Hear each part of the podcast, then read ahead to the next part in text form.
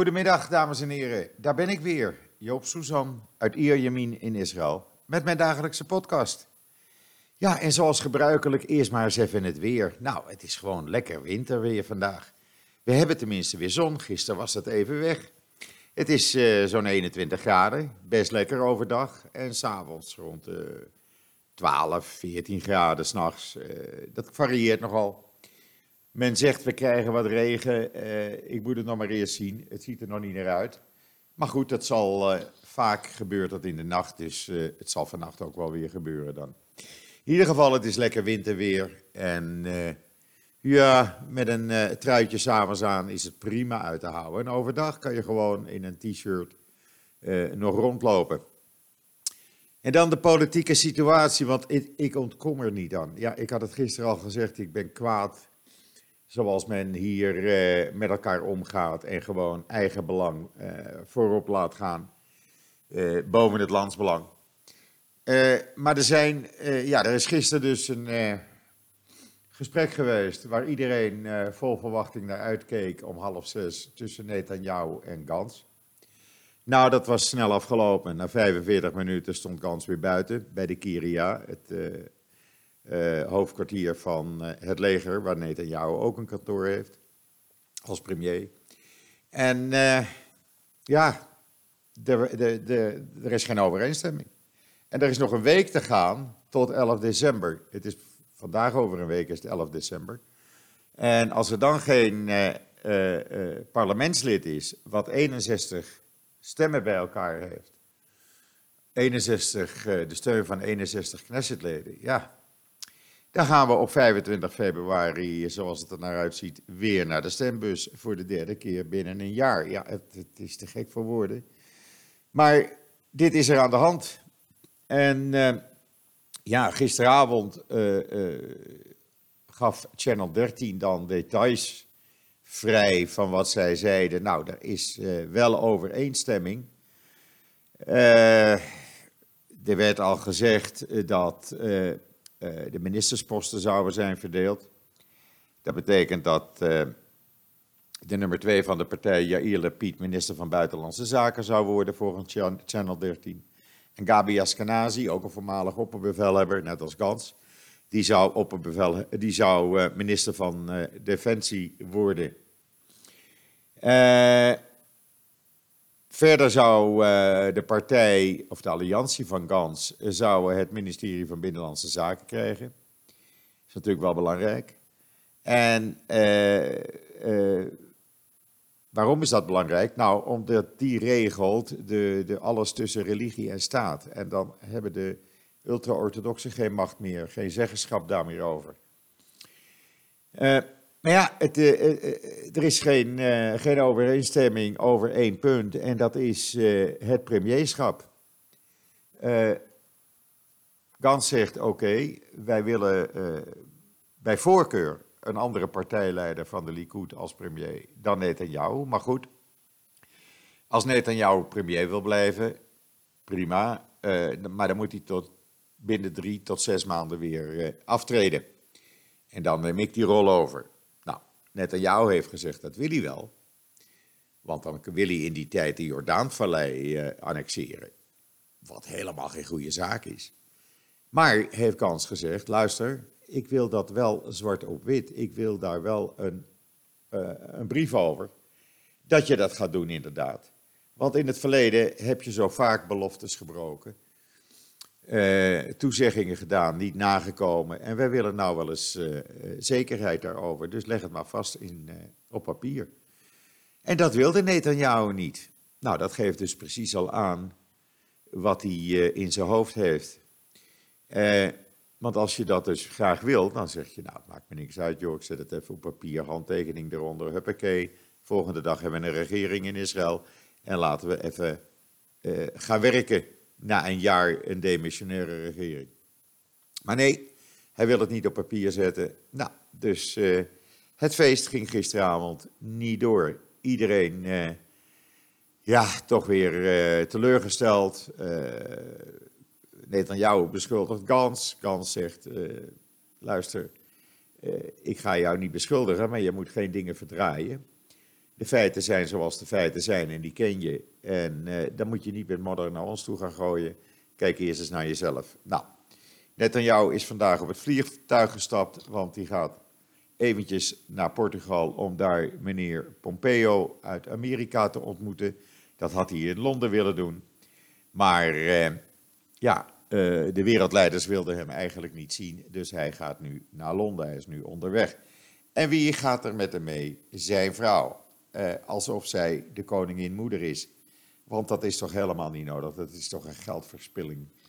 Van heb ik jou daar? Wat moet zij? Zij zit niet bij die besprekingen. Uh, ze is geen regeringslid.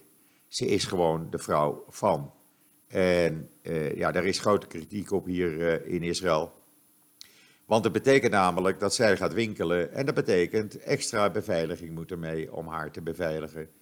Uh, en, enzovoort, enzovoort. Dus het, ik begrijp dat niet. Het is voor één nachtje. Ze komen morgenochtend weer terug. Uh, hij had ook uh, eind van de middag dus Pompeo kunnen zien en daarna terug kunnen vliegen zonder in een hotel te gaan. Maar goed, misschien willen ze nog eventjes op staatskosten van Portugal genieten. Nou ja, tot zover dan de politiek voor vandaag. Want ik vind eigenlijk dat ik daar alweer te veel woorden aan uh, spendeer. Want ja, ik, ik ben daar echt teleur, nog steeds teleurgesteld over dat dat gewoon niet lukt. En dat blijkt ook bijvoorbeeld uit uh, de uitspraken van bijvoorbeeld president Rivlin, wat hij net zei. want die, die zei: It seems political leaders want to go crazy. Het lijkt erop dat de politieke leiders eh, eh, gek aan het doen zijn. Nou, daar geef ik hem volkomen gelijk aan, aan president Rivlin. Dat is tenminste een verstandige man. En dan op de dag dat uh, de Nationale Assemblée in, uh, in Frankrijk eindelijk zei van antisionisme is antisemitisme. En mogelijk ook die internationale verklaring van antisemitisme gaat aannemen. Werden er 107 Joodse grafstenen in een stadje vlakbij Straatsburg besmeurd met hakenkruizen en antisemitische teksten. Zelfs de doden krijgen van, die antisemitische, van dat antisemitische tuig, want zo noem ik ze, geen rust. En ik vind dat verschrikkelijk. Blijf met je poten van grafstenen af. Of het nou Joodse of niet-Joodse zijn, je blijft er vanaf en je laat de doden met rust. Maar nee, antisemieten, die kennen dat niet en eh, vonden het prachtig om 107 Joodse graven te besmuren. En het is niet voor het eerst uh, dat het in Frankrijk gebeurt. En ik denk dat in Frankrijk het antisemitisme veel en veel en veel hoger is. En dan uh, gisteren hadden wij een artikel erop dat uh, een Palestijnse leider had gezegd: Haha, Joods leven in deze regio nooit bestaan. Er is helemaal geen Joods leven. Uh, er is een Palestijns leven en geen 3000 jaar Joods leven. Nou, hij kan de pot op, want de Universiteit van Haifa heeft een bijzondere ontdekking gedaan in het noorden van Israël. Ze hebben in de oude nederzetting Madjulia uh, mozaïeken opgegraven met daarop verschillende dieren en vogels. Het verkeert wel in een slechte staat, zodat ze niet precies konden identificeren wat voor vogels dat nou zijn. Maar u kunt het zien op joods.nl, er staat een foto, misschien komt u eruit, of een van u. En uh, dit had betrekking op uh, een hele oude synagoge, die eigenlijk was gebouwd de structuur een beetje in de traditie van de Tweede Tempel. Eh, met kleurrijke mozaïeken en, eh, en dieren.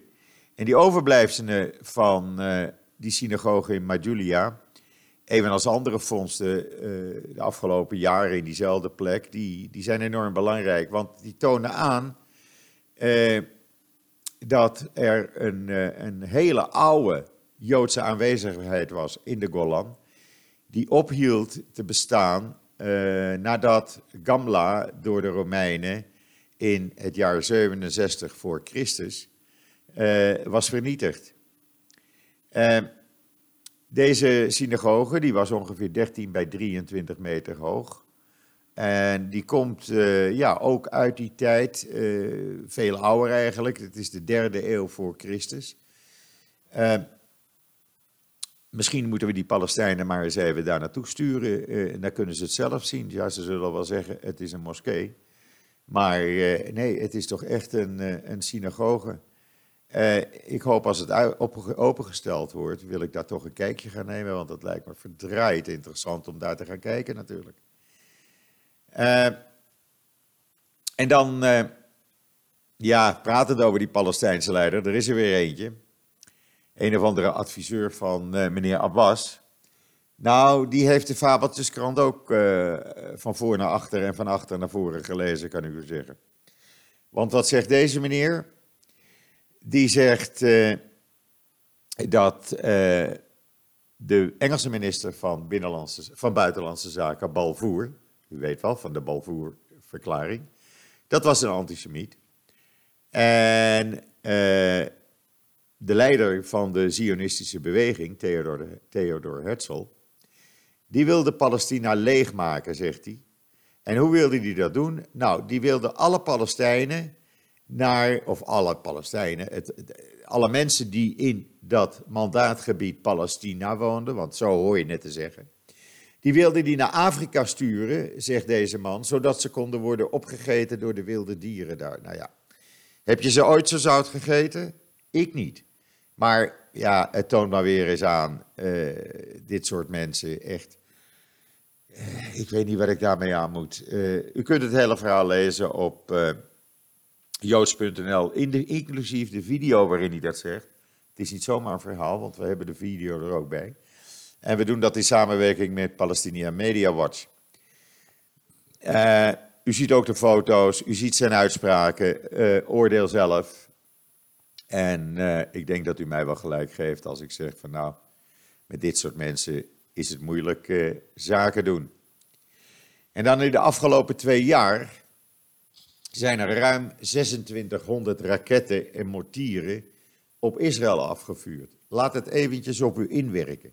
2600 raketten en morturen, mortieren, eh, die in twee jaar tijd vanuit Gaza, voornamelijk vanuit Gaza, en een aantal vanuit eh, het noorden, Hezbollah, op Israël zijn afgevuurd.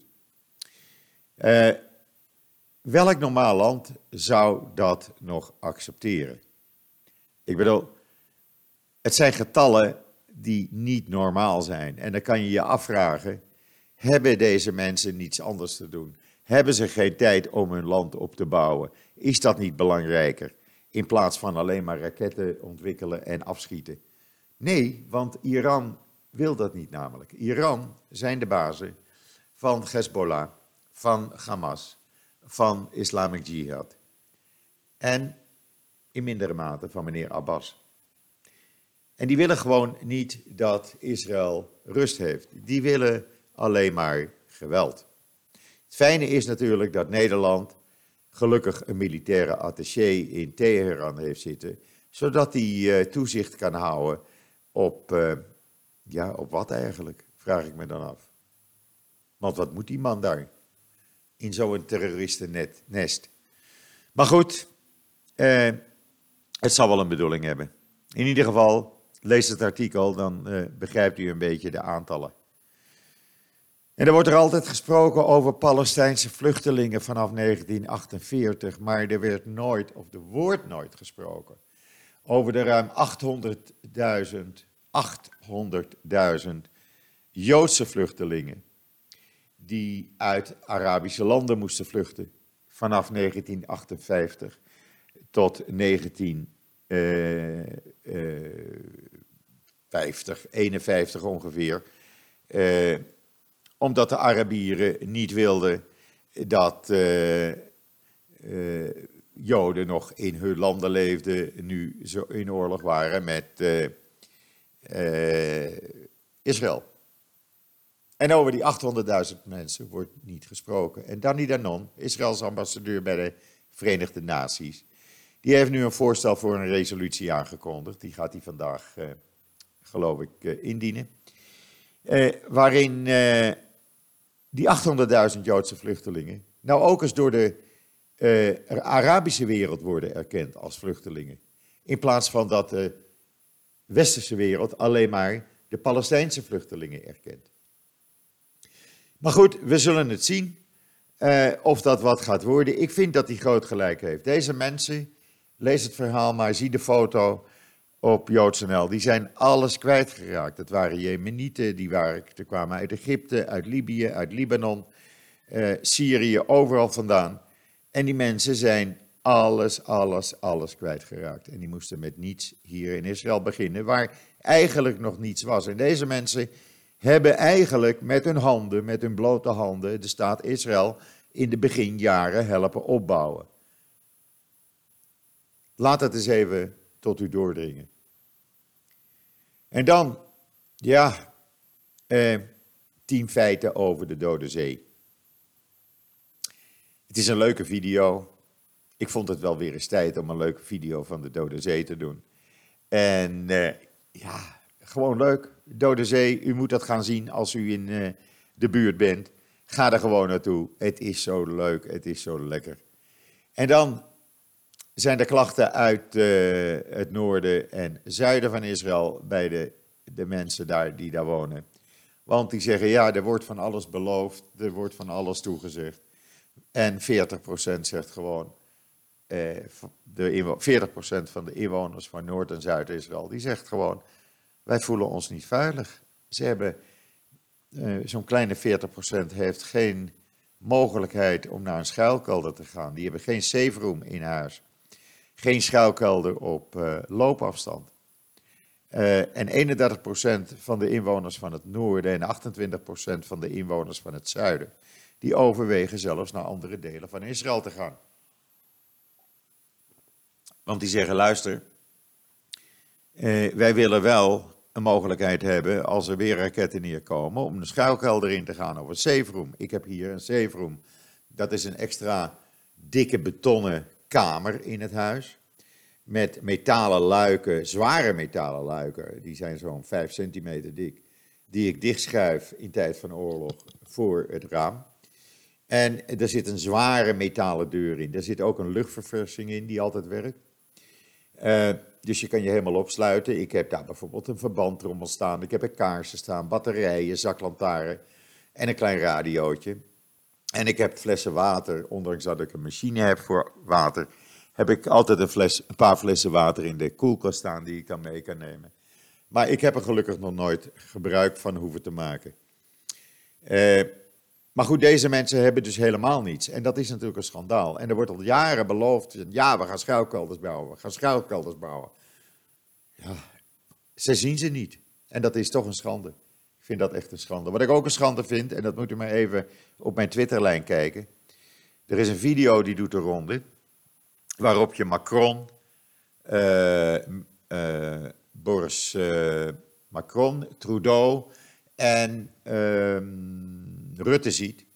En die, maken, die nemen president Trump even in de zijk. En ze hadden me toch een lol. Kijk maar eventjes op mijn timeline, daar kunt u die video's zien. Ik vind dat, ik vind dat een schande. Ze hadden geen erg dat ze gefilmd werden. Maar je hoort ze dus duidelijk praten over wat ze zeggen. Ja, ik vind dat niet kunnen. Ik vind dat niet kunnen. maar goed, ja, als meneer Rutte vindt dat hij de president van Amerika in de zijk moet nemen hij moet dat vooral doen. Ja, ik kan er verder ook niks mee. Ik zou het alleen erg onbeleefd vinden. Dus uh, ja. En voor de rest, ja, wat gebeurt er voor de rest in, in Israël? Nou, ja, weinig eigenlijk. mensen zijn een beetje moe van al dat politieke gedoe, merk ik op straat. ze willen er ook niet aan herinnerd worden. Ze vinden het allemaal zo het hangt ze de strot uit, het hangt iedereen de strot eigenlijk uit. Maar goed, ja, eh, nogmaals, het is wat het is. Wat kunnen wij eraan veranderen? Wij zijn ook maar gewone mensen die een podcast maken. En JoodsNL eh, voorzien van allerlei materiaal. Trouwens, er komt zometeen een leuke, eh, over een paar minuten, een leuke, of een paar minuten, twee uur uw tijd, uh, een leuke column weer van Rob Fransman op uh, joods.nl. Hij is echt leuk, want ik heb hem natuurlijk al gelezen. En ik ben blij uh, dat, uh, dat Rob, uh, ja, nu een vaste columnist, bij ons is geworden. ik hoop ooit dat er nog anderen zijn die ook zeggen van, nou, weet je wat, ik kan ook aardig stukjes schrijven. laat mij eens een stukje maken voor joods.nl. Doe dat. Doe dat. We zouden dat enorm leuk vinden en echt op prijs stellen. Want het is natuurlijk, sorry, het is natuurlijk enorm leuk als je, ja, als je leuk kan schrijven en het gepubliceerd ziet. En dat gelezen ziet worden door duizenden mensen. Nou, wat wil je nou nog meer? Dus mocht een van u, of meerdere, uh, zeggen van nou, ik kan ook leuk een uh, artikeltje schrijven, of ik, ik weet iets heel bijzonders, kom maar op. Wij staan, er, wij staan er open voor. En we zullen u met open armen ontvangen natuurlijk. ja, en dan voor de rest, ja, wat gebeurt er nog meer in Israël? Nou, vrijdag komt Sinterklaas in, uh, in uh, Tel Aviv aan, in Jaffo met de boot. Zoals elk jaar, met echte zwarte pieten. Ja, ik zal proberen er naartoe te gaan om wat foto's voor u te maken. Maar op de terugweg vanuit Nederland naar Spanje maakt hij altijd een tussenstop in, uh, in Jaffo. En daar, daar komt hij dus, dus aan met een aantal echte zwarte pieten. En dan trekt hij met de kinderen, de Nederlandse kinderen, dat zijn er altijd een paar honderd, in optocht door Jaffo naar een hele grote loods. Waar hij dan op zijn zetel gaat zitten, zijn troon gaat zitten. En de kinderen van cadeautjes voorziet. Dat is altijd heel leuk. De Nederlandse ambassadeur is daar traditiegetrouw ook bij. Ach, en je spreekt weer eens wat mensen die je dan tijden niet gezien heeft, hebt. Dus ik, eh, ik zal daar zeer zeker gaan proberen naartoe te gaan. Wat altijd gezellig. En er zijn pepernoten natuurlijk die je anders niet krijgt. En alleen dat is de rit van Ierjamin naar uh, de haven van Jaffo natuurlijk waard. En het leuke is, ik heb het nou al zo vaak gezien, dat de inwoners van Jaffo, de Arabische inwoners van Jaffo, die vinden het allemaal prachtig. Die hebben er zo een schik in uh, de meesten weten inmiddels wel dat het een stelletje, gekke Nederlanders zijn. Die weer een feestje bouwen. Uh, en die denken, nou, dat is een feestje met een verkleedpartij erbij.